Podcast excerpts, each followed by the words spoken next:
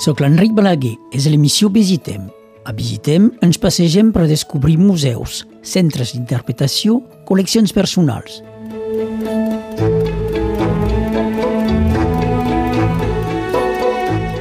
Avui anem a un lloc peculiar, al mig de la plana Cerdana, al Museu Municipal i Farmàcia de Llívia.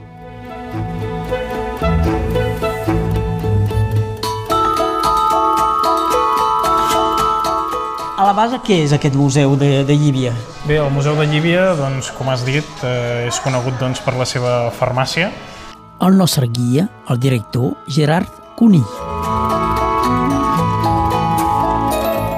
Eh, Cada cop, diguem, també volem ampliar una mica més les temàtiques per les quals sigui conegut aquest museu, no? I tanmateix també des de l'any 81 el museu també té ja una, diguem, la col·lecció de, de història i d'arqueologia perquè diguem, aquesta vila també té eh, un, diguem, un patrimoni arqueològic molt important pel, pel que fa al castell, com, com també pel que fa doncs, al jaciment romà que hi ha i especialment doncs, el fòrum de l'antiga ciutat romana de Júlia Líbica. No? Ehm, D'altra banda, també, nosaltres, una de les altres potencialitats que tenim al, al museu també és, és el Tractat dels Pirineus, no? perquè som l'enclavament no? eh, diguem, català o espanyol diguem, dins de, de territori eh, francès. No? I aleshores doncs, aquest, eh, també tenim una, una, punta, una potencialitat que actualment el, el nostre museu no reflexa tant, però que esperem en un futur diguem, que ho faci diguem, amb, amb més intensitat, que també sigui un altre reclam per, per aquest museu. El que veurem a baix és especialment doncs, són aquestes dues zones, no? la que és doncs, de, primer d'història i d'arqueologia de Llívia i després el que és la història de la, de la farmàcia i finalment doncs, la farmàcia Esteve. Donc al museu ja entrem per la part de l'Ajuntament, ho diríem, Exacte, sí. i després es baixa al museu. Sí, és, és a la part alta del poble, al costat de, de l'església i del que és el Fòrum Romà, que actualment es pot visitar però encara no està museïtzat, i diguem, es veu, s'identifica l'espai sobretot per l'edifici que hi ha just davant, que és la Torre Bernat de So, que és una antiga torre del segle XVI, amb orígens del segle XIV, Deu molt a prop de l'església, no sé si els, els oients ho senten, però se, ja sentim les campanes. Sí, exactament. Sí, sí, sentim les campanes, sí. Donc baixem per, la, per les escales. Des de quan existeix el Museu de Farmàcia de Llívia?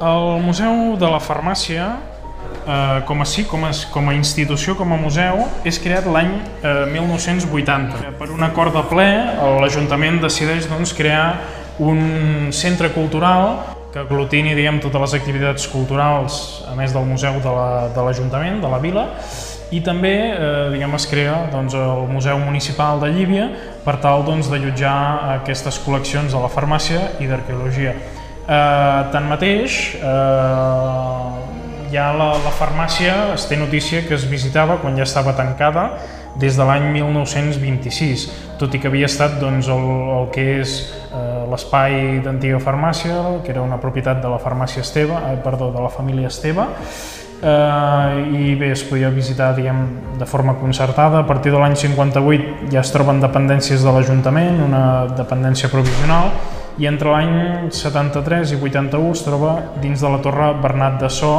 que ja en certa forma diguem, eh, també actuava com un museu, no? es podia, un espai que es podia visitar, però de fet com a museu-museu diguem s'institueix a partir de l'any 1980. Sí. Donc quan entrem a aquest museu veiem eh, Museu Municipal de Llívia amb unes fotos, són gent de Llívia suposo, sí, no? Les fotos. Ah, exactament. eh, és el que en diem, diguem, en, en termes eh, museològics, la comunitat, no?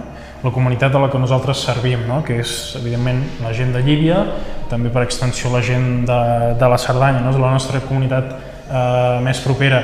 Es va fer una fotografia, el que és el Parc de Sant Guillem, eh, amb persones, diguem, de diverses edats, no? des de més menuts fins a, fins a més grans, eh, en qual es veu doncs, a darrere també doncs, la fotografia de la vila de Llívia, es veu fins i tot l'Ajuntament no? i, i l'església, que és el, el principal, la principal icona no? de, de, la, de, de Llívia una mica, no? de, la, de l'skyline, diguem, de, de l'skyline de, de Llívia. No?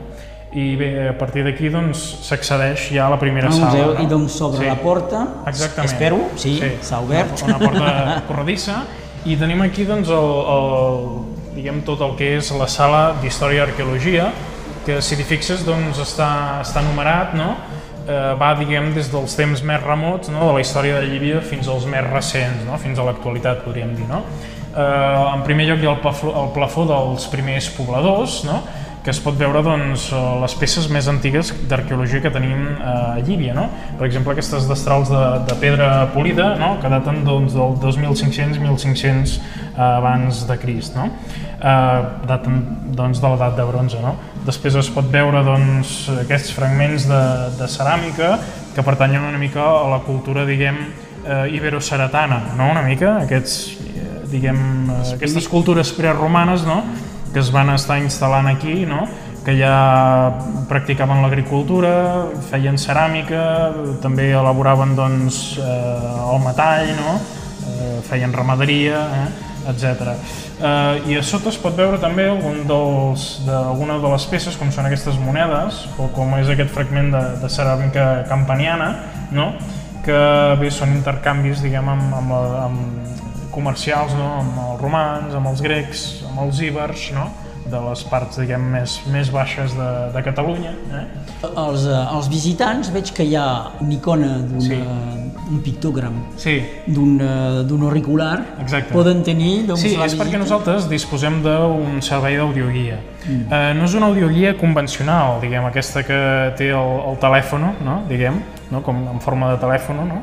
Eh, o que, la, que es presti, sinó que nosaltres la venem, és una targeta que darrere doncs, té un codi QR, el qual doncs, amb vosaltres amb el telèfon mòbil podeu llegir aquest codi QR, es descarrega tota la informació de, no només de l'interior del museu, sinó també eh, de l'exterior, eh, del que és eh, l'església, del que és el castell, del que és el fòrum, no?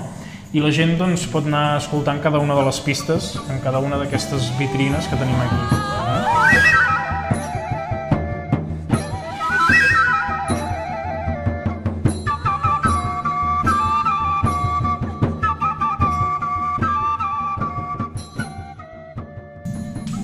Bé, després tenim el que és eh, la Júlia lírica romana.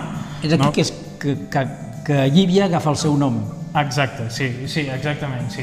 Eh, bueno, tot i que també es diu que el nom podria ser preromà una mica, no? i que els romans, diguem, el llatinitzen, no?, aquest nom. Eh, diguem que, eh, clar, possiblement hi havia hagut població anterior, però sobretot l'empremta més important aquí la tenim dels romans, no, no s'han trobat restes molt importants de, de, a, anteriors, no? Eh, I aquí podem veure, doncs, mm, en aquesta vitrina diversos materials que sobretot corresponen a la zona aquesta del que dèiem del fòrum romà, no? que antigament es, es deia doncs, les colomines. No? Hi ha fins i tot aquesta inscripció funerària eh, del llinatge Manlia, no? que es va trobar allà, eh, una, una, inscripció feta en marbre de Sant B, i eh, bé, eh, data això del segle I i segle II, no? es va trobar aquí les, les colomines. Eh, aleshores també hi ha fragments de ceràmica, alguns, doncs, hi ha algun, algunes imatges, no? i també es poden trobar altres materials una mica luxosos, no? que són doncs, aquestes, De marbre, aquests no? marbres no? que decoraven aquest edifici públic tan important com era el fòrum. No? Finalment aquí baix es pot veure doncs, un tresoret visigot? D'unes 114 monedes, que eren falsificacions, ja és tardo-romàs, del cap al segle V, VI, eh, monedes que aquí es poden veure diguem, molt petites, no? eh, que això, com deien, són imitacions, no? i que es van trobar, diguem, en, també en l'espai aquest del fòrum, eh, diguem, una bosseta de, de monedes que es va enterrar no? en aquell indret i que bé, van trobar els arqueòlegs al nostre, en el, la nostra contemporaneïtat. No? Després hi ha un, una peça molt important que es va trobar també en el mateix fòrum romà, que és aquest eh, macaco. O sigui, és un, Eh, Hi ha un esquelet Sí, sí, és un, és un esquelet que tothom que pot vindre aquí potser pensaria que, que seria un humà, no? Fins i tot eh, per les dimensions molts creurien que possiblement seria un nen, no? nen, sí. Però en realitat és un animal, no? És un simi, és un, és un, és un macaco, no? Aquests són macaca, aquesta espècie que és el macaca silvanus, que sembla que prové del nord d'Àfrica, no? de la zona diguem, de Tunísia, no? podríem dir, I eh, aquest macaca silvanus, doncs aquest, aquest, eh, aquest macaco, sembla que acompanyava eh, els soldats romans que estaven destacats doncs, entre el segle V i VI, quan la, el que és la Júlia Líbica romana, entesa com una ciutat, ja havia diguem, anat en decadència, s'havia convertit en un assentament militar eh, i, i es dedueix que acompanyava doncs, els militars romans per aquests fragments que podeu veure aquí davant del, just davant eh, del mateix, dins de la vitrina, eh, davant de l'esquelet doncs es pot veure aquests fragments del cinturó. No? Es va trobar aquests fragments que conformaven un cinturó que senyia doncs, un vestit que evidentment doncs, no s'ha conservat, però sí que podem veure, per exemple, eh, diguem aquesta cibella, no? tan ben conservada, o fins i tot el passador de la cibella, o d'altres làmines no? que, que diguem que subjectaven aquesta cinta de cuir, no? que segurament doncs, li senyia el cinturó en aquest, en aquest uh, macaco. I és un original, no és una reconstitució? No, no, és, o sigui, les peces, totes aquestes peces són originals, efectivament. Sí, sí.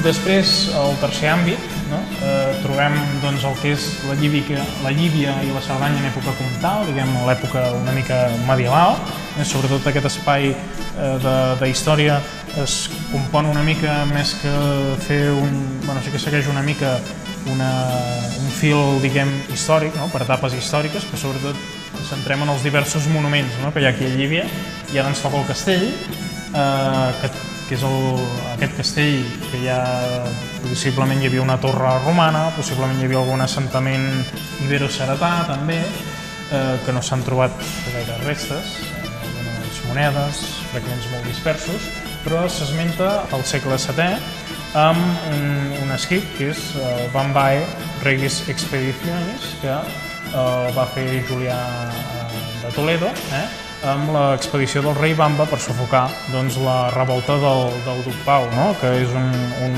un duc doncs, que eh, es va revoltar doncs, a la zona de la Narbonense. No? Duc és visigòtic. Exacte, és època visigoda, sí, sí. És en aquesta època visigoda, doncs, eh, hi ha aquesta revolta, van a sufocar-la, no? i sembla que en aquest passatge doncs, s'esmenta doncs, el castell de Llívia, no? Eh, S'atribueix eh, el castell de Llívia, i és el primer esment que hi ha. No? Eh, tot i això, les restes arqueològiques, la data més anterior que han trobat és el segle IX, no? però eh, després també fins al segle XI, però sobretot el castell que avui, ens, avui tenim, no? eh, les restes del castell que avui tenim, sobretot, són del segle XIII. No? Eh, de fet, és, és aquesta planta, no? que és quadrangular. Molt quadrada. Sí, que és quadra, quadrangular, amb diverses bastorres a cada un dels flancs. No? A cada un dels escaires no, d'aquest quadrat i aquí, eh, bé, aquest, aquest, eh, aquesta planta és típica doncs, una mica dels castells eh, medievals, ja gòtics, no? Eh, és en el moment de la creació del regne de, de Mallorca, que es construeix doncs, aquest castell a finals del segle XIII, eh, com molts castells també d'aquí de, de l'Alta Cerdanya i del Rosselló. No? Eh, podríem esmentar doncs, el castell d'Evo el mateix, no? que també és eh, contemporani. És perquè doncs, es crea una mica una frontera entre el que és doncs, el Principat de Catalunya i el Regne de Mallorca, eh, que recordem el Regne de Mallorca es fa doncs, el, el testament de Jaume I el 1276, divideix els regnes entre els seus dos fills, no? i Jaume II rep doncs, el, el que és Mallorca, no? les Illes Balears, el que és doncs, actualment doncs, la Catalunya Nord, el que són els comtats del Rosselló i de la Cerdanya, no? i també Montpeller. No? Amb aquest intercanvi doncs, bueno, es crea aquesta rivalitat no? entre dos diguem, regnes que són jurídicament separats no? i per tant es crea una frontera militar també i, i bé, la construcció del, del castell de Llívia doncs, correspondria a aquesta, a aquesta data. No? Uh, tanmateix, tots els objectes que podem veure aquí, que són essencialment bèl·lics i alguns objectes d'ús comú, uh, són tots del segle XV, perquè és quan s'amortitza el castell, és a dir, quan es destrueix. No? Uh, va haver la guerra, això es produeix doncs, en el context de la Guerra Civil Catalana, de 1460 a 1472, eh, que doncs, el, el que es fa és que eh, el rei Joan II empenyora a Lluís XI de França els comtats del Rosselló i de la Cerdanya a canvi doncs, d'una doncs, aportació monetària d'uns 200.000 ducats per tal de finançar aquesta guerra civil catalana. Eh, aleshores, clar, diguem que passem en mans de la monarquia francesa, eh, aquí a Llívia, i per tant Eh, bé, eh, sembla que el castlà del castell, Damià d'Escatllà, eh, doncs es revolta contra aquesta dominació francesa ja l'any 1400, eh, 78, quan ja havia acabat la Guerra Civil Catalana, i no hi havia un retorn, no hi havia una data de retorn d'aquests comtats a mans doncs, de la monarquia hispànica. No?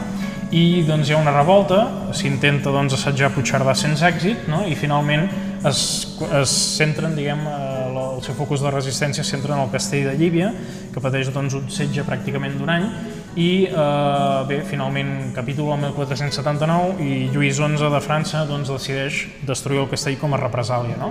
I per tant, bé, eh, ens, ha, ens ha quedat un, un castell no? l'any 1479 en què molts d'aquests objectes bèl·lics en el seu enderroc, no? en, la seva, en el fragor de la seva batalla, doncs es van perdre dins del fossat, del castell, no?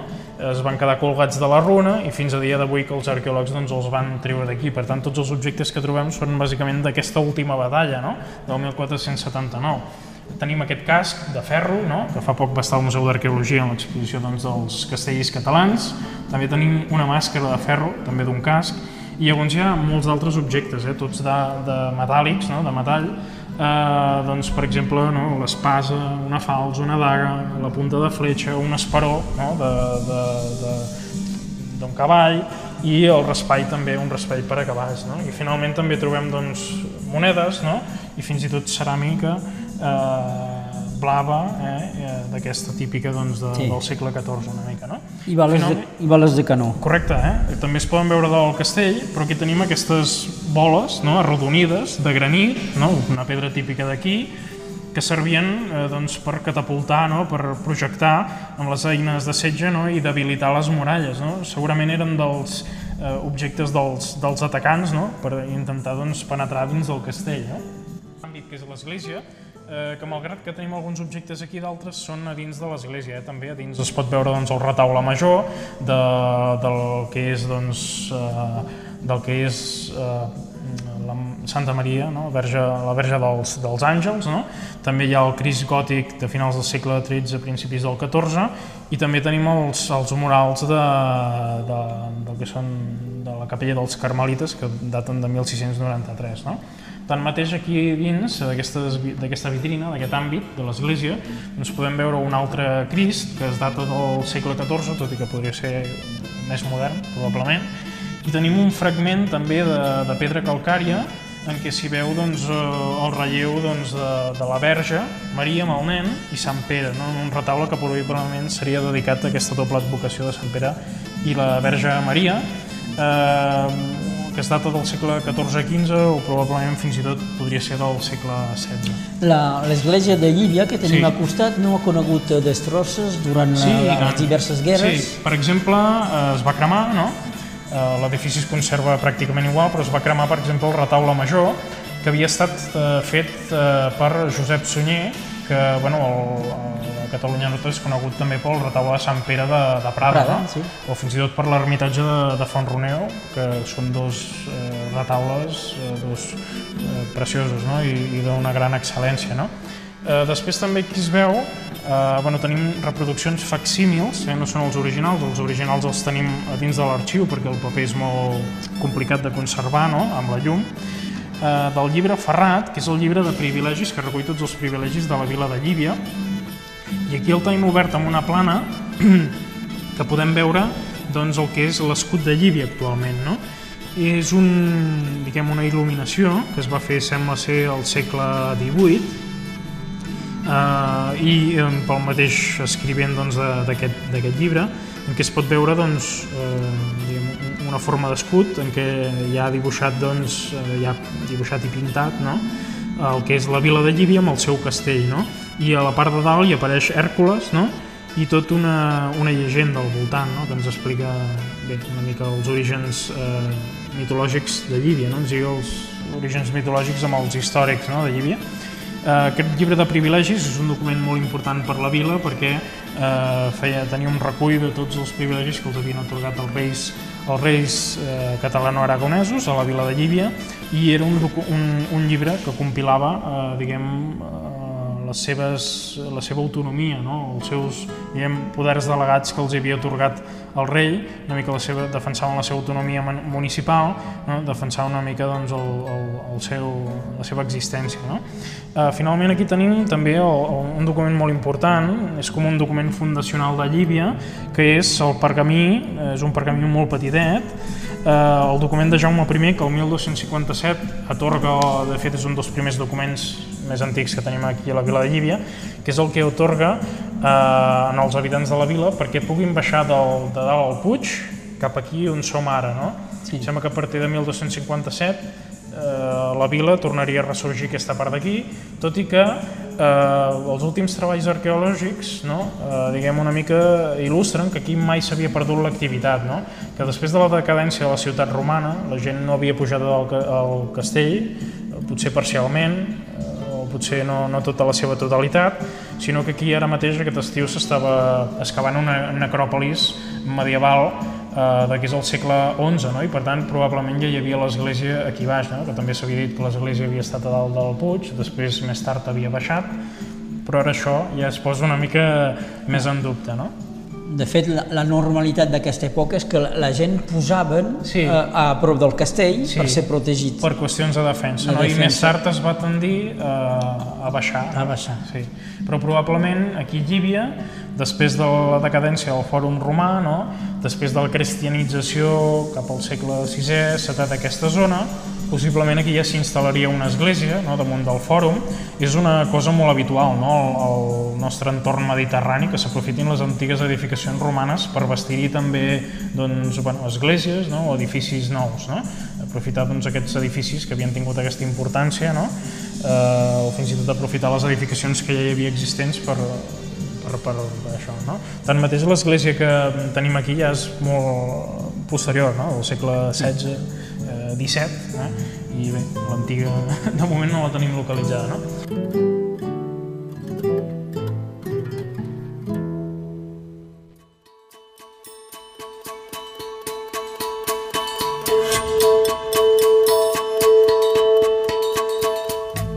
Fins aquí la primera part de la visita al Museu de Llíbia, amb el seu director, Gerard Conill.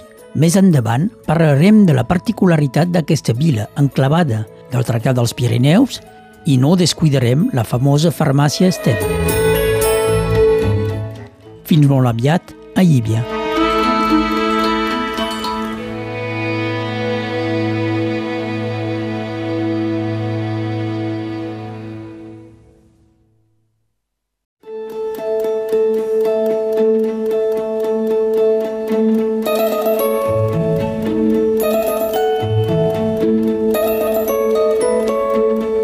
Soc l'Enric Balaguer, és l'emissió Visitem.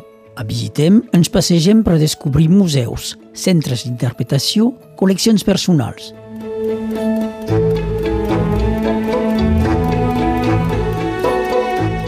Avui tornem al Museu Municipal de Llíbia a Cerdanya. Atès la seva particularitat d'enclavament, no es podia deixar de banda el fet que ha marcat la història d'aquesta vila.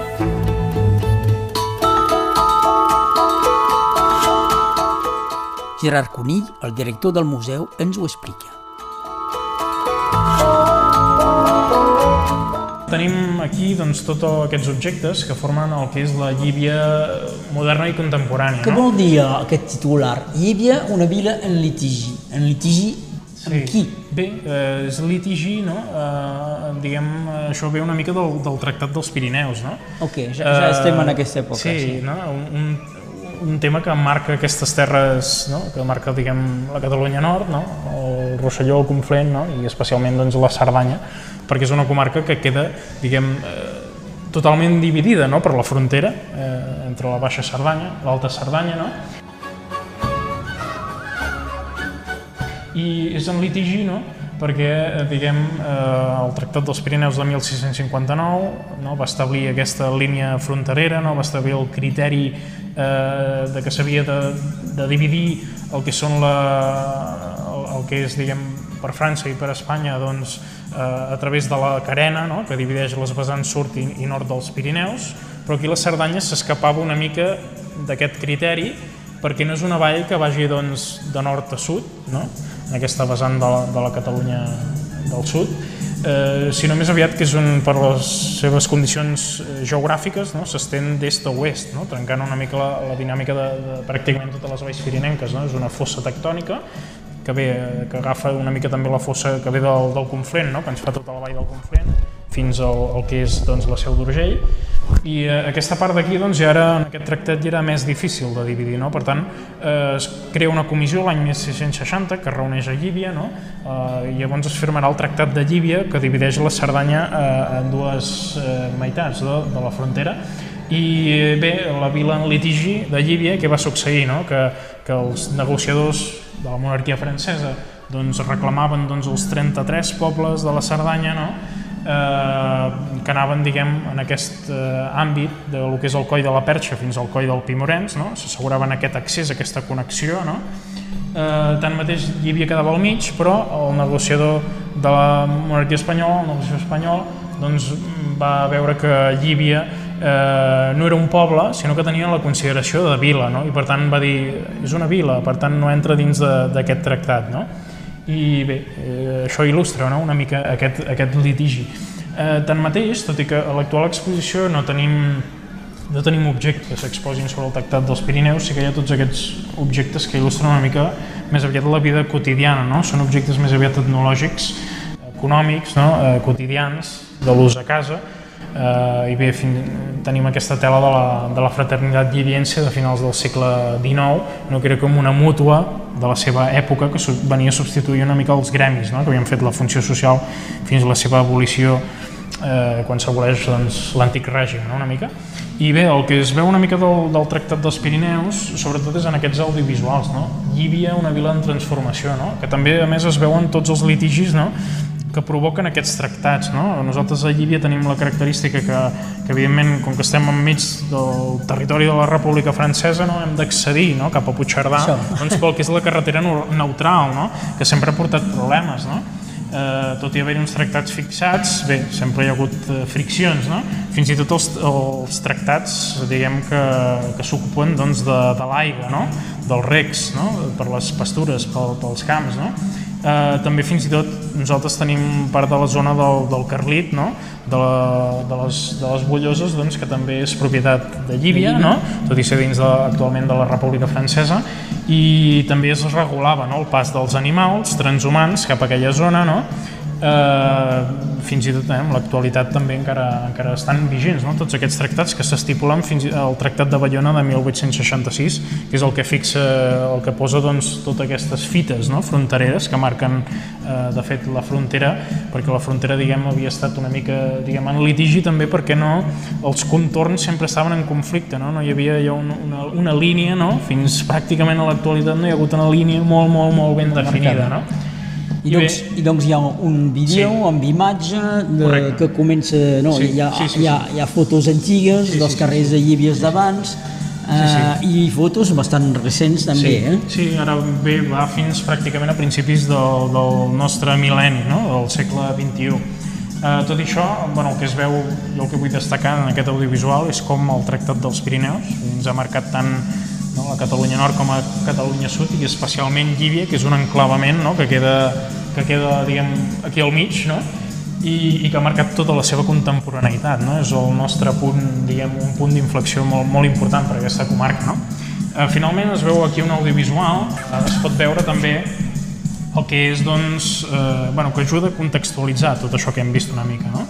Des del neolític fins a l'actualitat, una mica es contextualitza en fets que passen a nivell espanyol i europeu, no? una mica.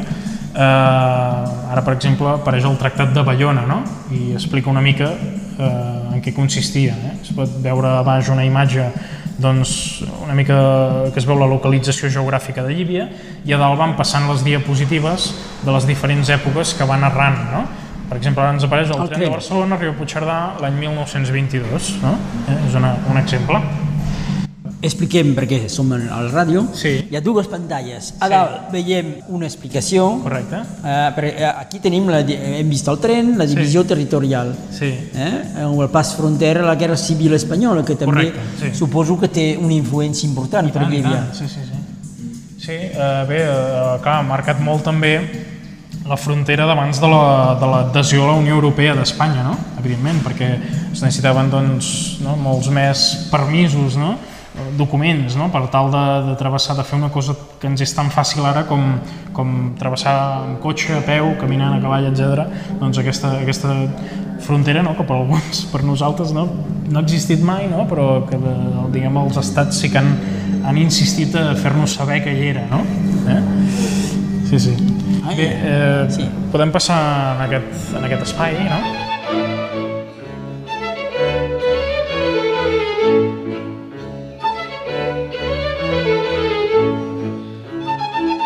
Eh, aquest espai ja és un espai de transició una mica que ens prepara per poder veure la farmàcia Esteve, no?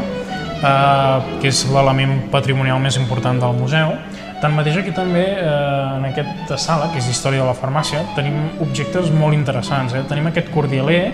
El cordialer és un moble eh, que en aquest cas, eh, bueno, normalment per darrere el taulell de les farmàcies, és el, el que les farmàcies d'oficina, les farmàcies, diguem, forma de botiga, no?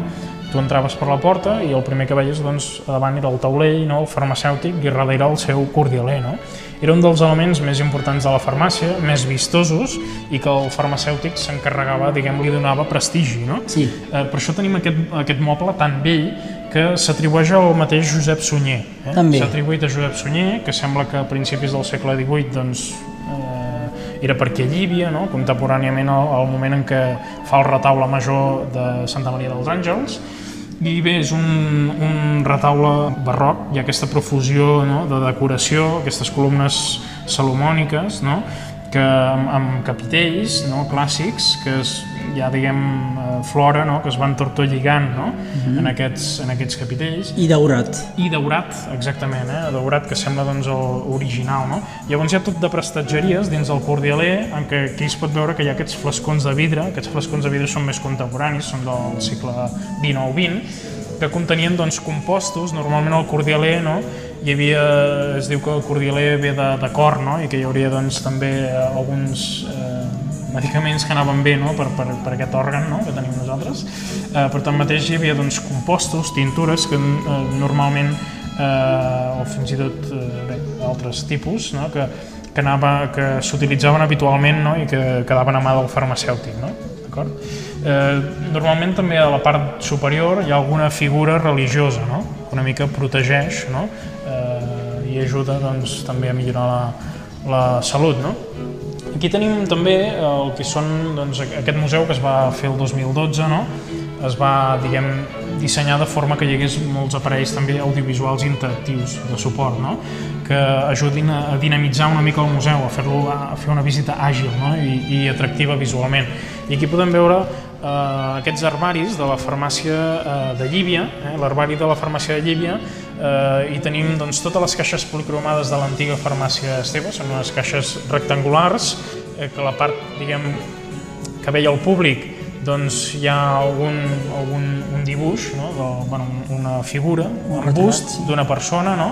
eh, pintada a l'oli no? I, i amb el fons daurat, eh, que normalment són personatges que tenen relació doncs, amb la ciència mèdica o farmacèutica, i que, o fins i tot sants, no? que tenien atributs curatius. No? Llavors, en, en, a, a la part de baix es pot veure una inscripció que normalment és en llatí, que ens dona pistes una mica del, del que podia contenir no? aquestes ah, ah. caixes policromades de, sí. de farmàcia, no? eh, que normalment contenien diguem, elements en brut, no? Diguem, allà ho emmagatzemaven els farmacèutics i utilitzaven després posteriori per, per, per fer els, els medicaments pertinents. No? Eh, si ara podem, podem pitjar alguna d'aquestes caixes, és una pantalla interactiva que nosaltres pitgem, eh, ara podem veure la, aquesta caixa, no? i hi ha dos tecles més que ens indiquen doncs, la planta que contenia no? eh, i, i després també eh, podem veure doncs, el personatge que és. No? En aquest cas és Dioscòrides, que és un dels grans, diguem, un dels primers farmacèutics, no? podríem dir. Eh? Cal dir, eh, no l'hem dit abans, però sí. que eh, totes les indicacions al nivell lingüístic són en català, en castellà, en anglès i en francès. Exactament, sí, perquè... Que sigui les pantalles sí, o els plafons. Sí, evidentment som en un lloc, eh, vull dir, tot i que molts no creguem en la frontera, som en un lloc, diguem, en certa manera fronterer, no? I, i bé, evidentment tenim públic molt variat, la comarca també, la Cerdanya és una comarca molt turística, en què evidentment hem de treballar doncs, amb diverses llengües perquè diguem, tenim visitants de tot el món, no? especialment la farmàcia, que és bueno, un dels centres més importants de Cerdanya pel que fa a, visitants, no? rebem entre 15.000 i 16.000 visitants i evidentment eh, bueno, una bona part d'ells són de llengua francesa, no? molts catalans no? i també anglesos eh, asiàtics, no? persones provenents de l'Àsia, de l'Amèrica del Nord, eh, l'Amèrica del Sud, bé, de tot el món eh, tenim persones. Sí, sí. Eh, igualment els audiovisuals, eh, també.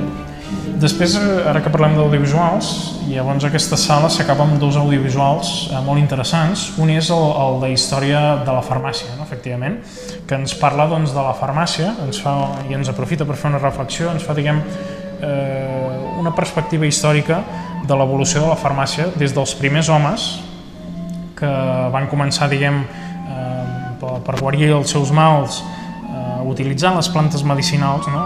Que tenien a l'abast al seu entorn per elaborar alguns remeis de forma incipient, no? i com aquesta medicina evoluciona doncs, a través de les civilitzacions mesopotàmiques, no? a través d'Egipte, a través de Grècia i Roma, no? que la desenvolupen doncs, enormement, i com passa després, a posteriori, doncs, el que és, eh, sobretot eh, a través doncs, de la medicina galènica, no? del, del que parlàvem de Dioscòrides, no? totes aquestes lliçons que passen doncs, a l'edat mitjana també, amb el sorgiment de les apotecaries, dels gremis d'apotecàries, no? eh, fins ben entrat doncs, l'època moderna, eh, fins ja pràcticament a la il·lustració, que es comença a aplicar la química per realitzar medicaments ja en ple segle XVIII, la medicina passa ja cap al que és doncs, eh, la universitat, no? per primer cop és a la universitat, i eh, els, a partir de llavors els farmacèutics també són persones que van a partir de llavors a, a la universitat a estudiar aquesta disciplina. No? I, clar, immediatament ja tenim la revolució industrial, eh, els medicaments es comencen a produir ja no en, en petits tallers com és aquesta farmàcia Esteve, no? que el mateix farmacèutic elaborava els remeis, sinó que es, eh, es crea ja la indústria farmacèutica, no? i es fan eh, medicaments doncs, a la indústria, i entra eh, també en, en, hi entra també la, el màrqueting, no? el, la publicitat, no? Eh, I bé, fins al dia d'avui que al final aquest colofó no, d'aquest audiovisual ens mostra com actualment doncs, es qüestiona una mica el que és doncs, la farmàcia oficial, la, fins i tot la indústria farmacèutica, eh, ens preguntem sobre l'eficàcia dels medicaments convencionals, no? I busquem fins i tot per alguns mals doncs, alternatives, alternatives. No? alternatives no? i eh, aquest audiovisual ens ajuda a jugar molt amb la nostra programació anual eh, perquè també eh, després de les activitats que fem fora de l'exposició permanent també parlem d'això i seguim també amb els nostres tallers de plantes medicinals ara molt oberts també a famílies i nens no? i també a adults no?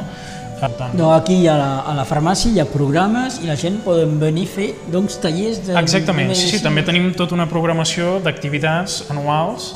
No? Tenim la, el cicle Júlia Líbica, que tracta doncs, sobre la Llívia romana, fem activitats de història i d'arqueologia eh, per totes les edats, i després a l'estiu ens dediquem més a fer activitats doncs, a l'entorn de la farmàcia, no? com ja havia fet sempre. No? Fem tallers no? Eh, per, per diguem, provar de fer doncs, aquests remeis artesanals, però també reflexionem no? sobre la farmàcia actual, eh, també reflexionem a l'entorn una mica de, de, de, bé, de tot el que envolta la medicina i el, tot, tot el que envolta doncs, també la, la naturalesa. No? Per exemple, anem a la Vall d'Eina també a veure les flors, no? una mica que, que possiblement els farmacèutics anaven a recollir no? totes les plantes que anaven a recollir per fer els seus remeis. No? Aquí, eh, aquest audiovisual, que ja acaba aquesta sala, que és el de Farmàcies del món. No? Que ens ajuda diguem, també a contextualitzar al llarg del món diverses farmàcies que, que es troben. No? Per exemple, tenim la de Sant Pau a Barcelona, la de l'antic hospital de, de la Santa Creu, no? Tenim, doncs, per exemple, també la de Tomàs Balvell de Cardedeu, tenim la del monestir de, de Vallbona de les Monges i d'altres de tot el món. De tot el eh? món, anem a Alemanya, hem vist Bèlgica... Correcte, de, fins i tot Pequín no? apareix, bueno, tot Amèrica, no? també Canadà, etc. No? Bé, i llavors ja, diguem, passem un passadís eh, que ja, diguem, arribem a la sala immersiva de la farmàcia de Llívia. És una sala en què nosaltres entrem, és com si, eh, diguem, ens conviden a entrar a dins de la farmàcia, no?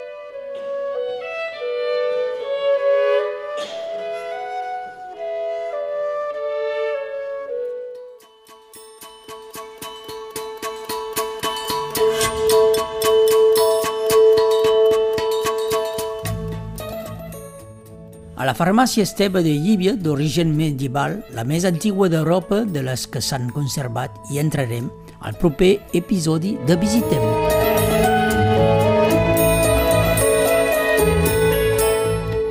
Fins aviat!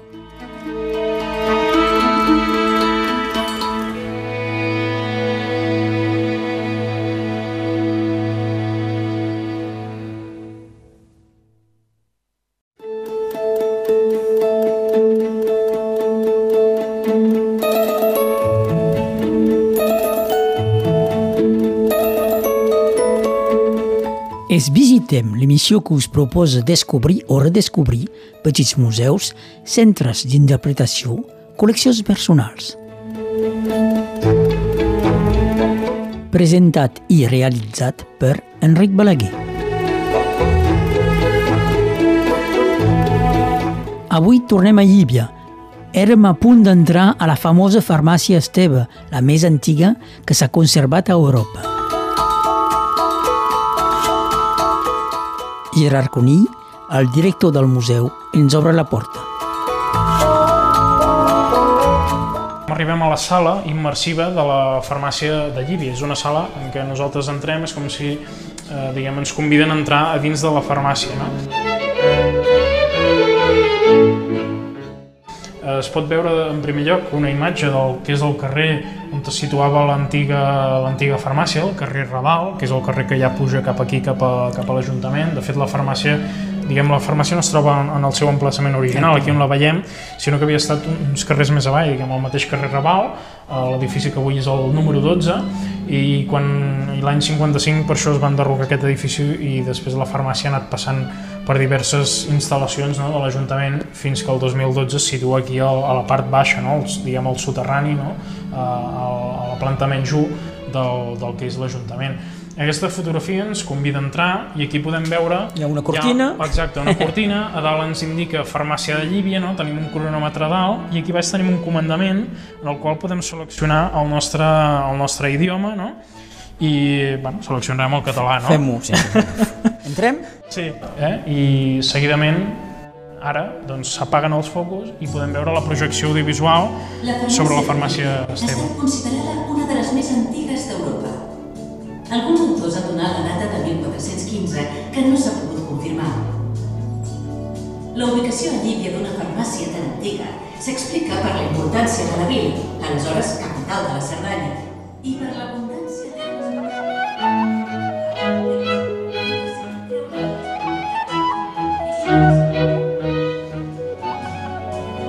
Gràcies a l'interès de la Nissaga de Farmacèutics Esteve, el seu patrimoni familiar s'ha convertit en el patrimoni d'un país.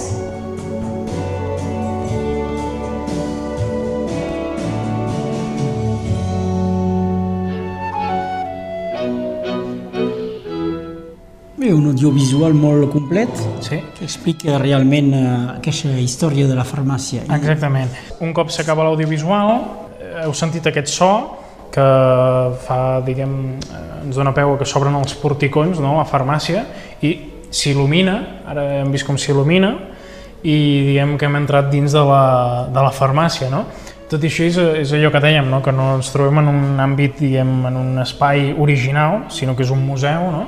i el que es conserven, diguem, sobretot són els objectes originals, no? és el que eh, ha volgut, eh, s'ha volgut fer amb aquest nou museu, més que recrear un espai que ja no existia, no? que no era Sí. l'antiga farmàcia, no? tot i que molta gent que l'havia visitat abans creia que ho era. No? Eh, es pot veure el taulell, com dèiem, amb aquest símbol de la farmàcia, no? amb el calze i amb la serp, que és un símbol ja antic i tradicional. Darrere el taulell podem veure doncs, aquest cordialer. Aquest cordialer s'atribueix a Pau Sunyer, eh, germà de Josep Sunyer. És un element central, no? Que demostra doncs, també el prestigi del, del farmacèutic. Són, és igual que l'altre cordialer que hem vist, que hi ha unes columnes eh, salomòniques, eh, també és barroc, no? Eh, tot i que aquest no és daurat com l'altre, sinó que és policromat i sembla que és un afegit posterior no? que es fa sobre la, aquest daurat. No? A la part superior podem veure doncs, eh, aquesta verge no? que ens protegeix també, el, el cordialer, no? que dona aquest valor, aquesta protecció religiosa no? a les medicines que s'elaboren, no? les persones que les prenen, i a baix tenim doncs, diversos flascons de vidre, aquesta, aquestes eh, caixetes eh, daurades que són de, fetes de bedoll, que és una fusta local, no? Eh, I després tenim eh, a sota doncs, hi ha alguns pots d'aquests de ceràmica, els albarels, no? que se'n diuen argot farmacèutic, que eh, són aquest blau cobalt, que aquests són petitets, són pindolers, els quals doncs, es pot veure aquest blau cobalt amb aquesta orla pintada diguem, de, color, de color groc i de color vermell i amb, i amb la llegenda, diguem, amb aquesta inscripció que hi ha que normalment detalla el, el contingut. No? Eh, els mateixos pots blaus es troben en format gran a les prestatgeries de banda i banda, eh, són els pots més característics d'aquesta farmàcia i pràcticament eh, és de les poques farmàcies que es troben aquests pots de gran format amb aquest color blau, de fet és molt diferent de les, de les farmàcies que es troben arreu no? sobretot a la part de baix sí que hi ha aquests pots blancs i blaus no? amb aquesta decoració d'estil una mica francès que és doncs eh, estàs tocant l'alarma ara mateix I sí, la farmàcia, la joia d'aquest museu, és protegida. No he estat l'únic durant aquesta visita a fer disparar l'alarma. Però seguim amb Gerard Conill. I bé, eh, tots aquests pots serien més o menys eh, de finals del segle XVIII també, no? sobretot la seva decoració. Després hi ha una altra cosa molt destacada també d'aquesta farmàcia que són les caixes policromades, no? i especialment perquè en d'altres farmàcies també hi ha caixes aquestes, que com hem comentat abans, hi ha els busts no, d'aquests personatges, que són personatges que han desenvolupat de la ciència farmacèutica eh, o la ciència, diguem, de, eh, mèdica, no? i també personatges, diguem, eh, religiosos eh, que tenen doncs, atributs curatius. No? Per exemple, es pot veure doncs, un, una de les caixes que hi ha Santa Llúcia, no? que té, que té l'atribut aquest del plat, no? que hi ha els ulls, i les herbes que contenia, doncs, evidentment, tenien propietats curatives en benefici doncs, del que és la vista, no? la visió. Eh? Eh, és el que hem vist al, al mural vídeo Exactament, que, que, en, que en, en aquell mural que dius, no? en les pantalles interactives, allà es pot veure tota aquesta informació. No?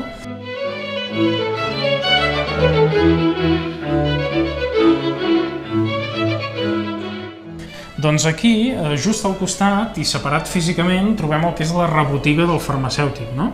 eh, era un espai de treball no? del farmacèutic que es pot veure perfectament, tenim l'escriptori, no? que hi ha tots doncs, els objectes personals del farmacèutic, no? unes ulleres, eh, hi ha papers, no? instruments d'escriptura, eh, algunes ampolletes eh, diguem, que contenien algunes tintures, algun, alguns compostos no? i sobretot llibres. No? És una de les altres parts importants que tenim en aquesta farmàcia, que és la col·lecció farmacèutica. Eh, bueno, aquesta col·lecció de llibres, que hi ha llibres de farmàcia però d'altres llibres que també eren propietat del, del mateix eh, farmacèutic, tipus religió, etc. No? no només hi havia eh, mm, llibres eh, dedicats a la farmàcia. No? Després també tenim una altra cosa molt important, són, és tota aquesta col·lecció de flascons, són més modernes i una, una de les coses que també tenim aquí és que tots aquests flascons tenen el contingut original, eh, de quan es va tancar la farmàcia 1926, o sigui que molts encara el mantenen i bé, en un futur possiblement es pot estudiar no? el que eh, exactament compost eh, de És que no, no? no s'ha estudiat el que hi ha dins de moment. Sí, bé, nosaltres eh, fem la tasca que és habitual al museu, que és la tasca de documentació, sí. és a dir, que identifiquem aquests objectes, els descrivim, no? en descrivim l'estat de conservació, eh, fem les fitxes no? en paper, fem les fitxes, diguem, les passem a l'ordinador, eh, fem fotografies dels objectes, ho digitalitzem no? per la seva posterior divulgació i també es fa un estudi dels continguts. No? La nostra documentalista el que fa és és eh, conèixer aquests compostos eh, per què hi són allà, no? Normalment hi ha unes etiquetes que són fetes a mà pel mateix farmacèutic que ho indica, no? I després eh, estudiem també eh, quines aplicacions tenia, no? Eh, aquest compost, amb quins altres es mesclava i amb què, eh, quins medicaments podien sorgir, no? Eh, també detallem històricament no? l'ús que havien tingut aquestes medicines, no? I, i bé, eh, hi ha de tot, eh? hi ha tintura, per exemple, canàbica, no? que prové doncs, de l'Àsia i que es feia servir doncs, de forma analgèsica, no? però que també tenia, eh, després, clar, era una droga, no? I, i clar, després se'n va regular l'ús, no? perquè, perquè, bé, doncs això, no? era una, una droga bastant forta, no? I bé, tenim, no sé, per exemple, una cosa molt graciosa, eh, que, són, que és la tintura de castor. És a dir, que es feia, imagina't, amb els testicles del, del castor, es feia aquesta tintura de castor, que més eh, tenia atributs, diguem allò, benefici no? sexual, etc. No? Una mica... Afrodisíac. Eh, exactament, aquesta seria la paraula, no? una mica afrodisíac, no? que diguem, estimulava el desig sexual, etc. No? Hi ha moltes, moltes diguem, molts compostos d'aquests molt curiosos eh, que els estem en procés d'estudi. No?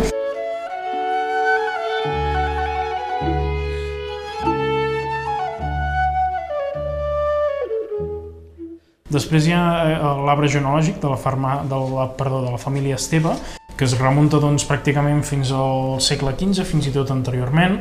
La família Esteve mateix ens comenta que ells emparenten amb la línia fins i tot eh, comtal, no? dels antics comtes de Cerdanya, no? i bé, a la part de dalt es pot veure eh, dos retrats, eh, en primer lloc el, el de la dreta, que és el del farmacèutic Josep Esteve i Guilló, que va ser un dels últims farmacèutics de la farmàcia Esteve. Va morir l'any 1912 i al costat just a l'esquerra hi ha la seva esposa. Eh? Eh, Josep Esteve Guilló és pare d'Antoni Esteve i Canal, que va ser efectivament aquest sí l'últim farmacèutic que tancaria la farmàcia Esteve l'any 1926 i encara en mantindria una Puigcerdà fins l'any 1945. Eh, finalment, aquí també tenim doncs, el que és eh, la orla no, de, del curs acadèmic de l'any 1884-1885 de la Facultat de Farmàcia de la Universitat de Barcelona, en què es veure a la part dreta doncs, els alumnes, entre els quals hi ha Josep Esteve i Guilló, no? eh, farmacèutic, després de la farmàcia Esteve de Llívia, i a l'altra banda, la banda, a la banda esquerra, doncs, hi ha tots els professors no? d'aquesta facultat de farmàcia, d'aquest curs acadèmic, i bé, eh, es pot veure doncs, tot un seguit de retrats que, en què hi ha doncs, només homes, no? Homes. en aquell moment. En aquell moment, sí. Exactament, doncs, tan sols hi havia, hi havia homes, disordadament. No?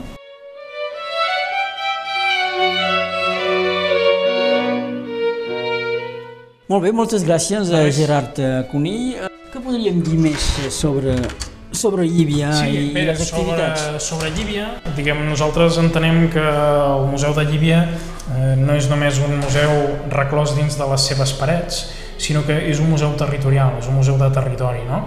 eh, que treballa doncs, amb la seva comunitat del voltant, amb les seves persones, no? però també amb els seus elements patrimonials, que en tenim molts. No? Per exemple, la vila de Llívia és declarada bé cultural d'interès nacional per la, per la Generalitat, no? per tots el seu conjunt d'edificis eh, eh, de tipologies arquitectòniques molt diverses, des de la casa tradicional sardana eh, de muntanya, no? Eh, amb la seva era, amb, les seves, amb els seus badius, eh, amb els seus estables, fins a cases modernistes, no? eclèctiques, de principis del segle XX, que ja ens il·lustren una mica aquests estiuejants que ja començaven a freqüentar la Cerdanya. No? Després tenim també el que és l'església, una església molt poc habitual aquí a Cerdanya, de fet és una de les esglésies gòtiques més grans que tenim i que més està tot, com que és del segle XVI-XVII, i hi ha molts elements decoratius renaixentistes, cosa que aquí a Cerdanya és única no? en aquest cas. Eh, després tenim també un element que és el fòrum de Júlia Líbica, de l'antiga ciutat romana, que actualment encara està en procés de recerca, d'estudi, no? i que en un futur preveiem de poder ampliar també una mica el, el museu, no? Aquest edifici que actualment doncs, compartim entre l'Ajuntament i el museu, fer doncs, ampliar-lo amb les sales doncs, que expliquen aquest fòrum, que serà un dels altres atractius eh, també del municipi, i finalment tenim el castell, no? que ens queda doncs, just darrere de la vila, el Puig del Castell, en què trobem doncs, aquest castell de finals del segle XIII, que aquí al museu doncs, podem veure els objectes, però ja el podem veure físicament, no? que és bastant espectacular perquè ens, ens queda tota la planta del castell i a més també els seus fossars, que són molt profuns. No? I actualment s'està també recuperant tot el que és el recinte extern del, del castell, totes les muralles que envoltaven la torre principal, la torre sobirana, no? i s'està fent ara el que és el recinte Josà, no? el recinte inferior, no? Que s'està recuperant doncs, un, unes parts de muralla amb un potencial, diguem, amb una altura de diversos metres eh, que es conserva. No? I bé, tot aquest entorn més el que és doncs, el Tractat dels Pirineus, el que és doncs, l'enclavament de Llívia, doncs ja tenim tots aquests atractius aquí per... i sobretot una bona gastronomia, eh? també hi ha la vila i bons productes que, que es venen també que complementen doncs, tota aquesta visita. Doncs Gerard, moltes gràcies. La riquesa de, de Llívia és superimportant a nivell sí, sí. cultural, sí. Eh? És, uh, és impressionant, eh? fins i tot per una petita població com sí. aquesta. Sí. Eh? sí, una petita població, però que en el seu moment no, eh, havia estat capital de la Cerdanya, no? diguem, i per això diguem, tenim tota aquesta riquesa patrimonial dels romans i de, després de l'edat mitjana. No? Gerard eh, Conill, moltes gràcies i fins aviat. Gràcies a vosaltres.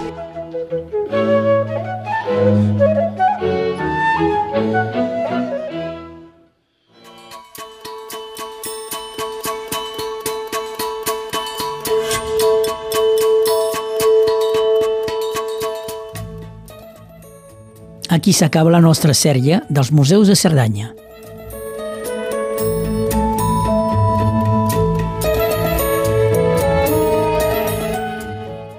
Ens retrobem molt aviat per Visitem.